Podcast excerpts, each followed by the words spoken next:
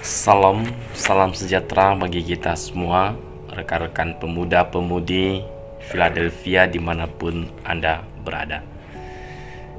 Saya mengajak kita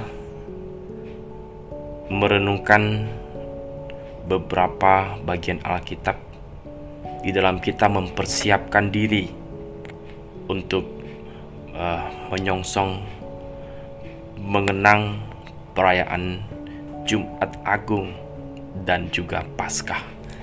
Nah, di masa-masa Prapaskah ini saya membawa kita merefleksikan diri kembali, merenungkan Kristus Tuhan yang telah begitu berkorban bagi kita.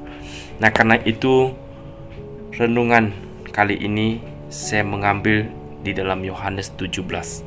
Untuk beberapa hari ke depan kita akan merenungkan bagian firman Tuhan dari Injil Yohanes pasal 17, 18 sampai nanti puncaknya kematian Kristus dan kebangkitan Kristus. Nah, saya ajak kita membuka Yohanes pasal 17 ayat 1 sampai 26. Nah, karena ini agak panjang, saya tidak membacakan semuanya. Nah, saya membacakan beberapa bagian saja. Saya membacakan ayat yang pertama.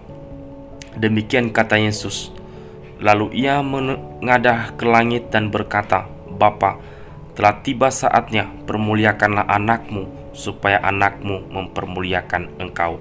Ayat yang ketiga, inilah hidup yang kekal itu, yaitu bahwa mereka mengenal engkau, satu-satunya Allah yang benar, dan mengenal Yesus Kristus yang telah engkau utus itu dan seterusnya.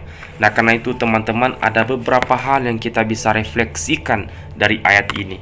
Jadi sebelum Tuhan Yesus menyelesaikan tugasnya untuk penebusan dosa kita, maka Tuhan Yesus berdoa bagi murid-muridnya ketika itu dan doa ini juga untuk kita orang percaya saat ini. Apakah isi doa Tuhan Yesus di dalam Yohanes pasal 17 ini ada beberapa hal yang saya catat. Pertama, memberitahukan kita cara mendapatkan hidup kekal dan jelas dikatakan di ayat yang ketiga dan juga kedelapan bagian B di sana dikatakan mengenal Allah yang benar satu-satunya Allah yang benar dan mengenal Yesus Kristus yang diutus oleh Allah jadi mengenal Allah yang benar dan percaya kepada Yesus Kristus satu-satunya cara memperoleh hidup yang kekal. Yang kedua, diberitahukan kita isi daripada doa Tuhan Yesus yaitu orang percaya adalah milik Tuhan. Kita adalah milik Tuhan. Ayat yang ke-9. Kita adalah milik kepunyaannya, umat tebusannya. Berarti apa? Kita menjadi ahli waris kerajaannya. Berikutnya Allah Bapa yang memelihara kita orang percaya. Jadi karena kita ada miliknya, maka dia yang pelihara kita.